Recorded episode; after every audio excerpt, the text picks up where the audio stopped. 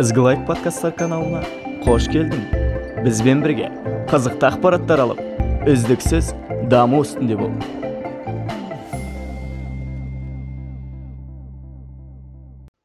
Қайырлы күн құрметті достар. Сіздермен бірге ізгі подкасттар жинағы. Бүгін біздің кезекті қонағымыз әдебиеттанушы басылбеков маралбек мырза.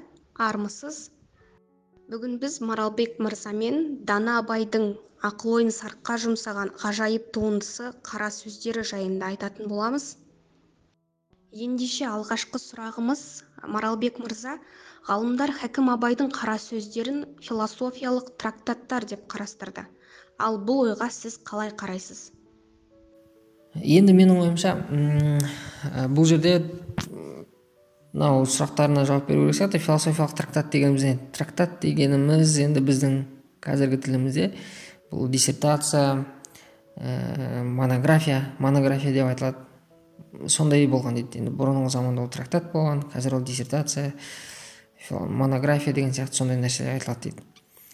Ә, менің ойымша бұл абайдың монографиясына келмейтін секілді себебі бұл ғылыми. Жалпы қара сөздерге келетін болатын болсақ мына нәрсені ескеруге болады.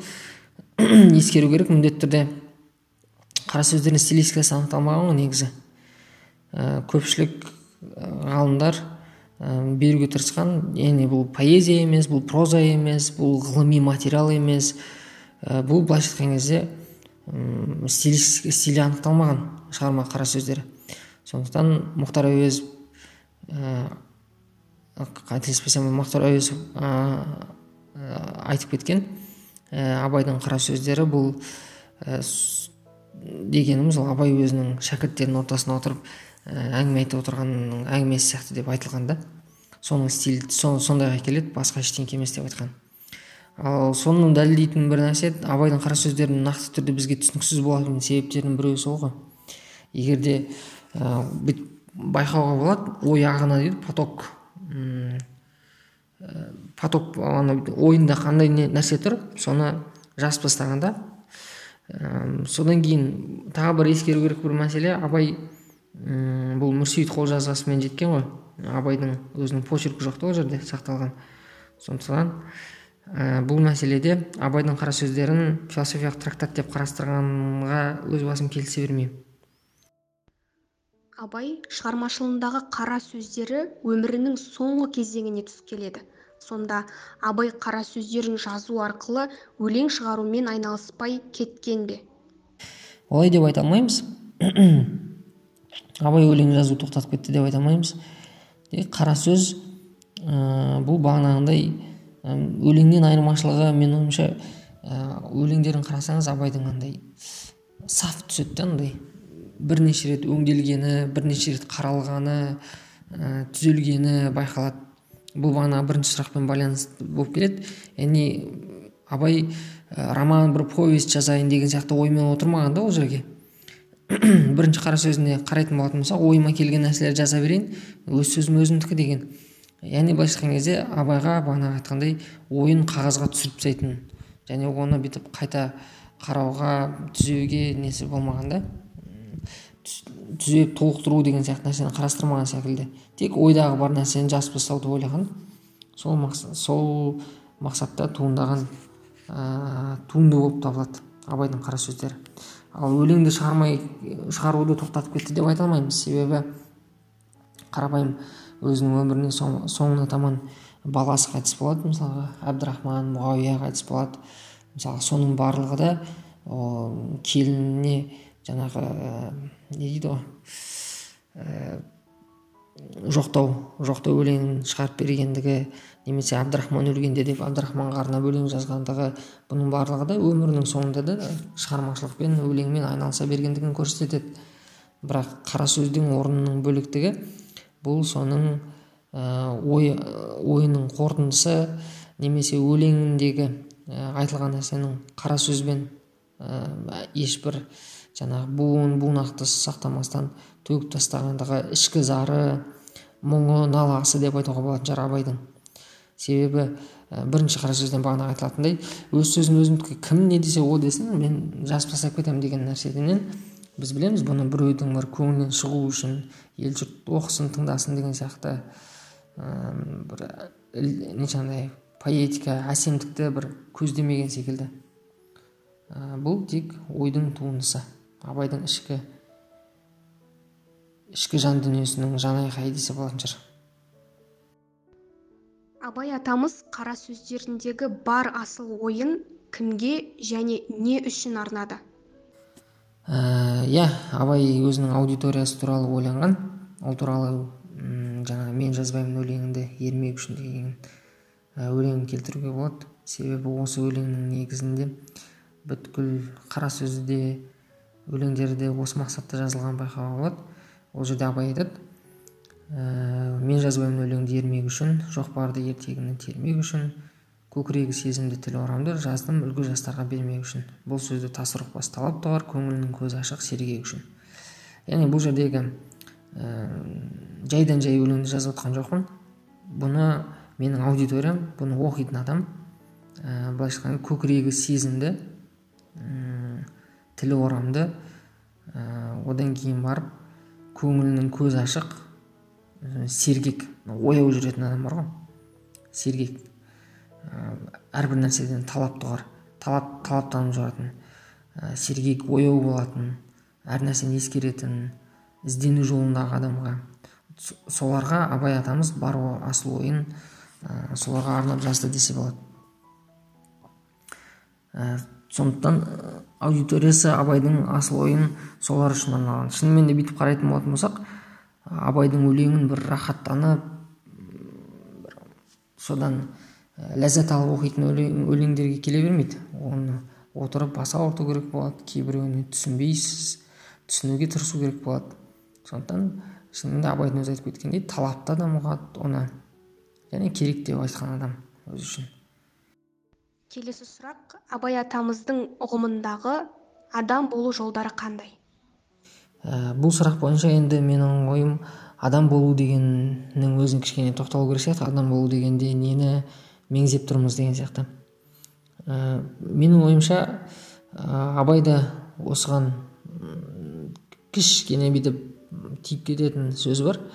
Ә, яғни он төртінші қара сөздің сөзінде соңында ол кісі айтады құдайға терістіктен не ар мен ұятқа терістіктен сілкініп бойын жиып ала алмаған кісі үнемі жаманшылыққа мақтанға салынып өз бойын өзі бір тексермей кеткен кісі тәуір жігіт түгіл әуелі адам ба өзі деп тоқтап кетеді. Енді бұл жерден байқауға болатын нәрсе ә, адам деген нәрсе хайуанмен немесе бір басқа жаратылыстардан қарағанда адамның орны бөлек қой. Оның ақылы бар. Ә, және ол болашақты ойлай алады. Ертеңгі күніне ойлай алады. Кешегі күніне жо не жаңағыдай анализ жасай алатын адам да. Егер абай айтады ғой адам бол өзі деген кезде бүткіл адамға тән нәрсе осы. Ә, яғни өз өзін ә, егер де адам ә, белгілі бір деңгейде өзін тексермей жүрсе яғни өзінің бойындағы кемшіліктерін ә, біреуге жақсылық жасаған немесе кем, біреуге жаманшылық жасаған мен дұрыс жасап жатырмын ба жоқ па ертең қалай болады бұдан не ұғуға болады бұны қалай түсінуге болады ары қарай қалай дамытса болады деп өзінің бойына өміріне көз салмаған адамды ә, адам ба дейді абай. Яғни адам болу үшін адам болғандығының белгісі ол өз өзіне есеп бере алған кезде өзінің бойындағы белгілі бір қасиеттерді дамыта алған кезде немесе оны бір кемшіліктерінен арыла білген кезде бір жаман істерді қолға алса соны тастай алған кезде оны адам болды деп айтады да абай. Сондықтан ә, абай осы жерде осыны айтып отыр. Яғни бойдан ар мен ұятқа қарсы келетін терістіктен сілкініп бойын жиып, ал, жиып алуды бұл адамдық дейді. Үнемі жама ә, мақтаннан өзінің бойын ел жұрт мақтаған кезде бөсіп кетпей өз өзін сақтап қалуды бұл адам болу дейді. Өзінің өміріне есеп беруді ә, осындай қасиеттері бар адамда адай абай адам болу дейді. Енді жолдары деп сұрапсыздар. Егер осы қасиеттерді адам басшылыққа алып өмірінде қолдануға тырысатын болса өз өзіне есеп беріп деген сияқты бағанағы нәрселерді. Онда адам адам болды деген мағынаны білдіреді ау абайдың ойынша. Маралбек мырза абай қара сөздерінде заманның проблемасын көтерді ме? Әлде жалпы мәңгілік тақырыпта жазды ма? Абай негізі заманға ренжімеген. Заманға байланысты тіл тигізбеген. Оның ана өлеңі бар. Құс түсті көбелек деген сол жерде заманға кім егер тіл тигізетін болатын болса заман оны илейді дейді. Яғни заманға тіл тигізбейді дейді. Тіл, тіл тигізбейді яғни қарсы шықпайды. Абайдың тақырып қозғайтын тақырыбы бұл адам. Яғни жалпы бұл мәңгілік тақырып па деген кезде иә бұл мәңгілік тақырып адам қай кезде де адам. Адамның бойындағы сол кемшілік адамның бойындағы сол қаныпезерлік осы мәселелер туралы тоқталады. Ұлы абайдың танымындағы ақылды адам кім? Ә, меніңше абайдың танымында жалпы ақылды адам бар және ақылсыз адам бар да. Бірақ екеуінің арасындағы айырмашылықтар өте көп нәрседе болады. Ә, соның біреуі абай айтып кетеді ол есті адам мен есер адам болады дейді. Яғни есті адам кішкене ақылдырақ болады да. Есер адам немесе ессіз адам есер адам ақылсыз болады дейді. Ессіз деген келмейді бұл жерде есер деген нәрсе өйтіп оқып отырсаңыз абайдың айтуынша бұл ұшқалақ адамға келеді де. Яғни ә, кез келген нәрсеге қызығып кетеді кез келген нәрсенің басын ұстайды кез келген бір болмайтын бір қуанышқа қуанып соны қуанған кезде өзін жоғалтып алады. Ә, кез келген нәрсе оны сілкіп кете алатын адамды есер адам дейді. Есер адам бұл ақылсыз адамдардың қатарына жатады дейді. Ақылды адам болатын болса есті адам болады дейді. Көрінген адам өзін алдырмайды дейді. Егер де бір нәрсе істейтін болатын болса бойын сынатпай жүріп істейді дейді. Яғни ел жұрттың көзіне түсе бермейді. Ә, бірақ өзіндегі жаңағы ойын өзіндегі ос жоспарын өзіндік мақсатын жүзеге асыру жолында тынбай жасай береді дейді. Және бір ақылды адамның айырмашылығы есті адамның айырмашылығы абайдың өзінше ол ә, орынды нәрсеге қызығады? Болмашы бір нәрсеге қызығып жүре бермейді дейді. Сондықтан абайдың танымындағы ақылды адам ол есті адам. Егер есті адам болатын болса яғни орынды нәрсеге қызығатын одан кейін кез келген нәрсеге ә, жаңағыдай шайқалып қалмайтын адам болатын болса ол ақылды адам дейді. Абайдың танымында ақылды адамның бір сипаты осы. Алғашқы қара сөзіне үңілсек өз сөзім өзімдікі. Деп күнделік сияқты бастағанын қалай түсінуге болады? Бұның қарапайым болып көрінгенімен мәні зор. Ә, яғни адам егер де ә, өмірінде бір нәрсені тапса яғни ол миссиясы болуы мүмкін өзінің орны болуы мүмкін өзіндік арманы болуы мүмкін соны қолға алатын болатын болса өз сөзім өзімдікі болды басқа ешкімге қарамаймын. Кім керек дейтін болса алсын керек емес дейтін болса тастасын деген позиция. Мәселен мысалға бір мынандай сияқты ғой бұны түсініктірек болу үшін. Мәселен бір адам бір жаңа автокөлік ойлап тауып отыр. Енді автокөлік жоқ деп қарайық. Или бір мысалға генри форд деп қарайық та. Мысалға ол алғаш машинаны ойлап шығарып жатыр машинаны ойлап шығарайын деп жатқан кезде ел жұрт оған ананы да сөйлейді мынаны да сөйлейді. Мынаның дұрыс емес қой немен айналысып жатрсың деуі мүмкін. Бірақ ә, қанша сынаса да ол өзінің айтқанын ел жұрттың айтқанына тайып кететін болатын болса сол уақытта онда ол абай не дейді? ол онда оны жүзеге асыра алмайды онда, онда жаңадан автокөлік ойлап таба алмайды ол. Тура сол сияқты абайдың да позициясы тура сондай. Яғни мен не жазамын оны өзім білемін. Өз сөзім өзімдікі. Керек дейтін адам алсын бірақ мен бұл ісімді тастамаймын. Мен жазуды бәрібір жалғастыра беремін деген нәрсеге келеді.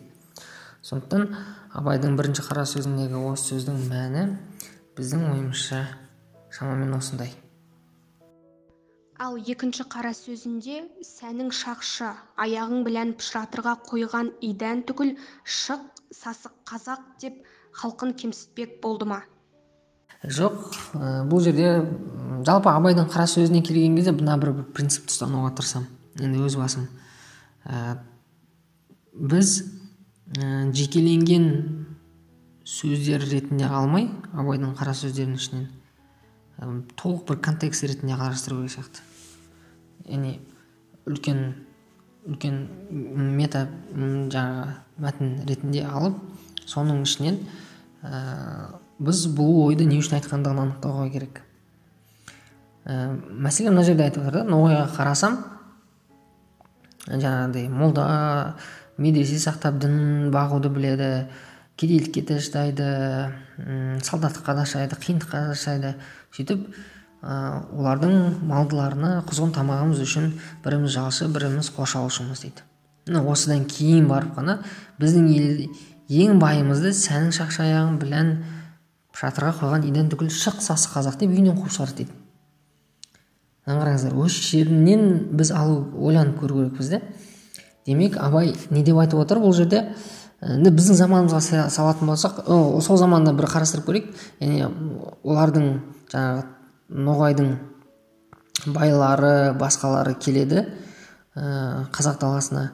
Одан кейін олар сауда саттығын басқасын жасайды. Олар келген кезде біздің қазақтар жаңағыдай сол заманда асты үстіне түсіп ә, қазіргі тілмен айтқан кезде қызыл кілем төсеп ә, лимузинмен күтіп алып қымбат ең қымбат бес жұлдызды қонақ үйімізге жатқызып тегін жатқызып сосын асты үстіне түсіп сосын құзғын тамағымыз үшін біреуміз жалшы болып кетеміз қош алушы болып кетеміз ә, біздің жаңағыдай сондай нәрсеге түсіп кетеміз. Ал олардың сол заманда бүйтіп қарайтын болсақ абай айтады енді біздің байлар сол жаққа барып қалатын болатын болса оларды менсінбейді дейді. Себебі олармен өздерімен тең көрмейді. Немесе олардың өз дәрежесіне қарамайды дейді. Міне тура осы нәрсені қазір енді біздің заманымызға салып көретін болсақ дәл сондай деп қарауға болады. Әлі өзгермеген. Мәселен ә, шетелден бізге мысалға ә, кімдер келеді ғой? Инвесторлар мысалға.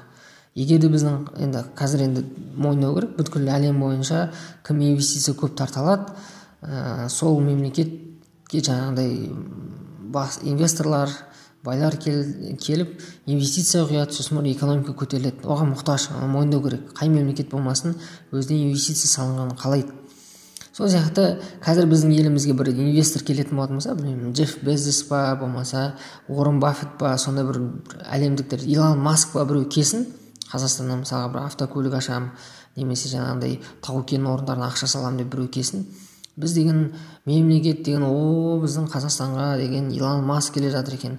Оған арнайы авто не жаңағыдай самолетпен келеді. Самолеттің астында жаңағындай келген кезде теледидар бар басқасы бар жаңағы айтқандай қызыл кілем алдынан төсеп арнайы білмеймін енді мемлекеттік маңызы бар бір кісі әкім ба біреу алдынан жүгіріп шығып оны қош алып сосын барып келіп ә, сосын барып сөйлесіп не істеп кетеді да енді?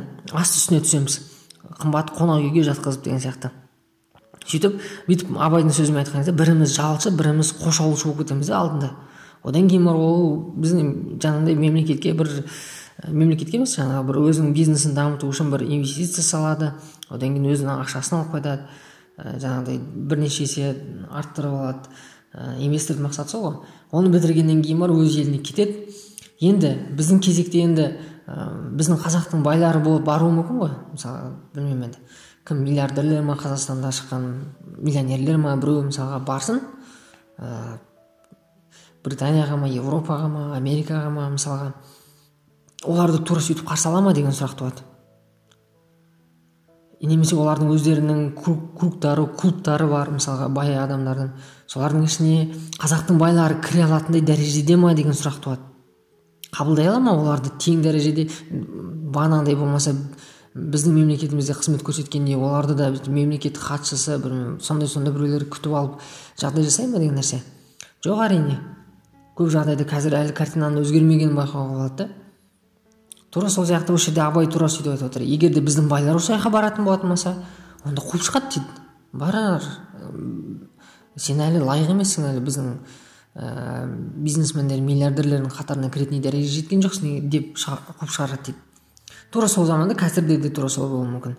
Сондықтан бұның мәні яғни ә, ә, біздің байларымыздың өзі татымды болғанының маңыздылығы да яғни ә, сондай бір әлемдік деңгейдегі байдың деңгейіне жетін бай адамның деңгейіне жете алып жатыр ма? Біздің байларымыз деген сұраққа жауап беру керек болады да бұл жерде.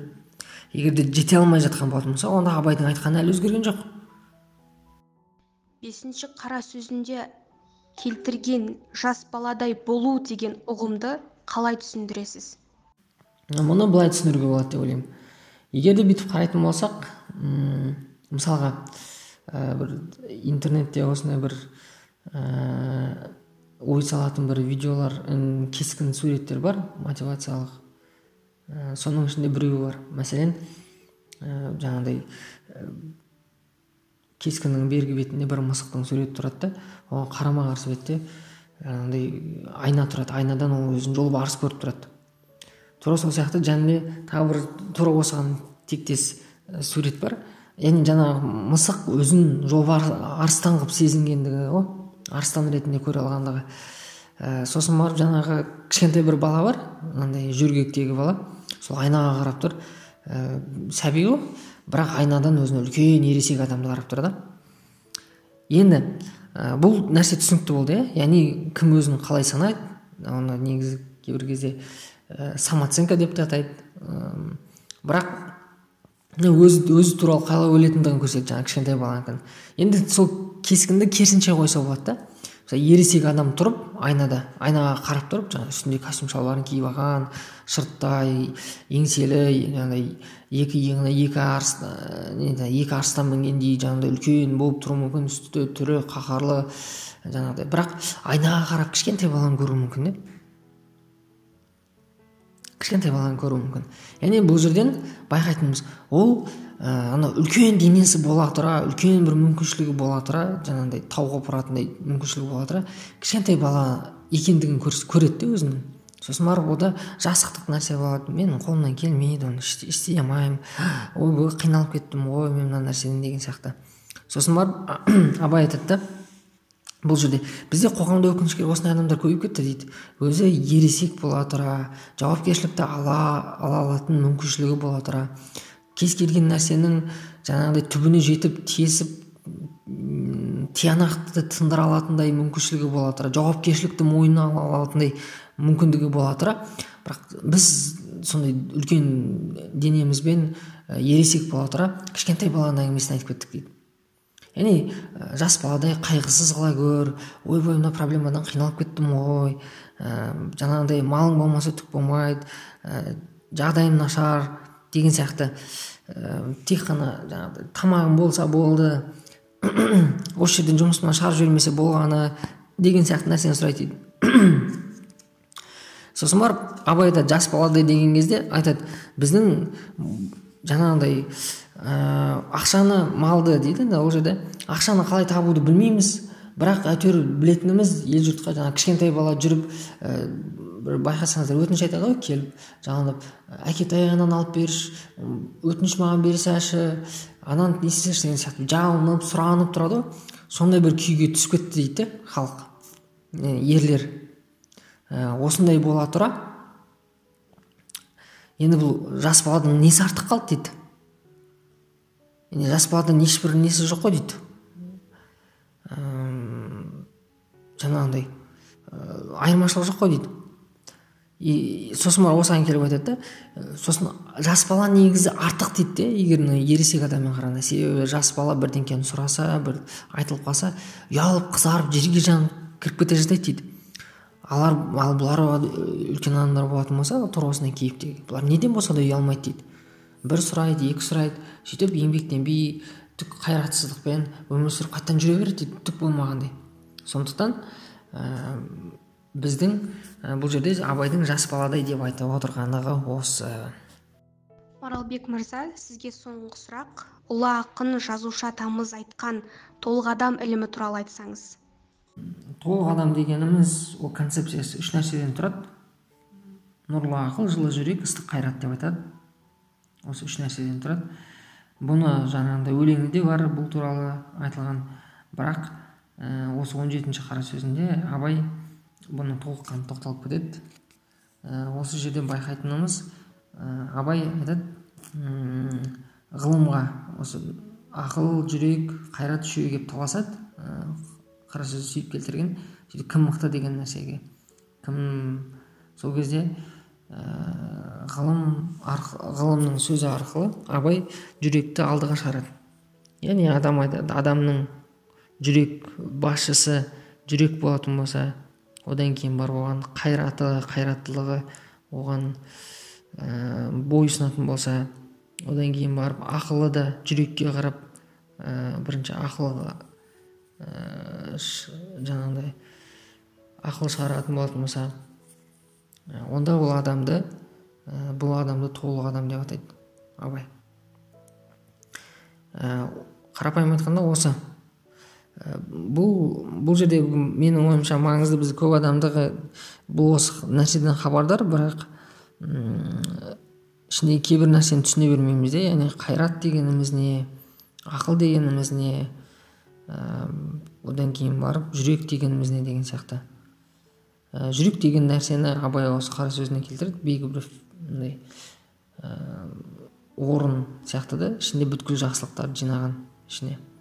Сондай қылып келтіреді. Яғни мейірімділік махаббат ә, сыйластық рақымдылық адалдық деген нәрсенің барлығы да осы жүректің ішінде орналасқан дейді. Ә, енді ақылға келетін болатын болсақ ақыл бұл ә, екі функцияны жауап береді. Соның біреуі бұл қалай жүзеге асыру екендігін айтады. Яғни белгілі бір істі қалай орындауына жауап беретіндігін нәрсе. Ә, осы нәрсе. Ә, үшінші қайрат деген нәрсе. Бұл қайрат дегеніміз адамның қайраттылығын яғни бір істі істі жүзеге асыра алуын яғни орнынан тұрып соны бір істі істей алуын осыны қайрат деп атайды. Ә, яғни егер де бәрі жүрекке бағынса деген нәрсе яғни оның барлығы да адамның ары мен ұятына қарсы келмейтін іс болатын болса оны қалай жүзеге асыру механизмін жасай алған болатын болса сол бағынады одан кейін барып оны істеуді қолға алу бұл қайрат. Осы үшеуі біріккен кезде адам толық адам болады дейді. Қашан жүрек ұмыт қалады? Сол кезде адам құриды дейді. Сондықтан жүректі алдыға шығару керек дейді абай. Өте тамаша барлық сұрақтарымызға жауап алдық. Маралбек мырза сізге үлкен алғыс білдіреміз. Керемет сұхбат болды. Ал достар сіздермен бірге болған ізгі лайк подкасттар жинағы келесі сұхбаттарда жолыққанша аман сау болыңыздар.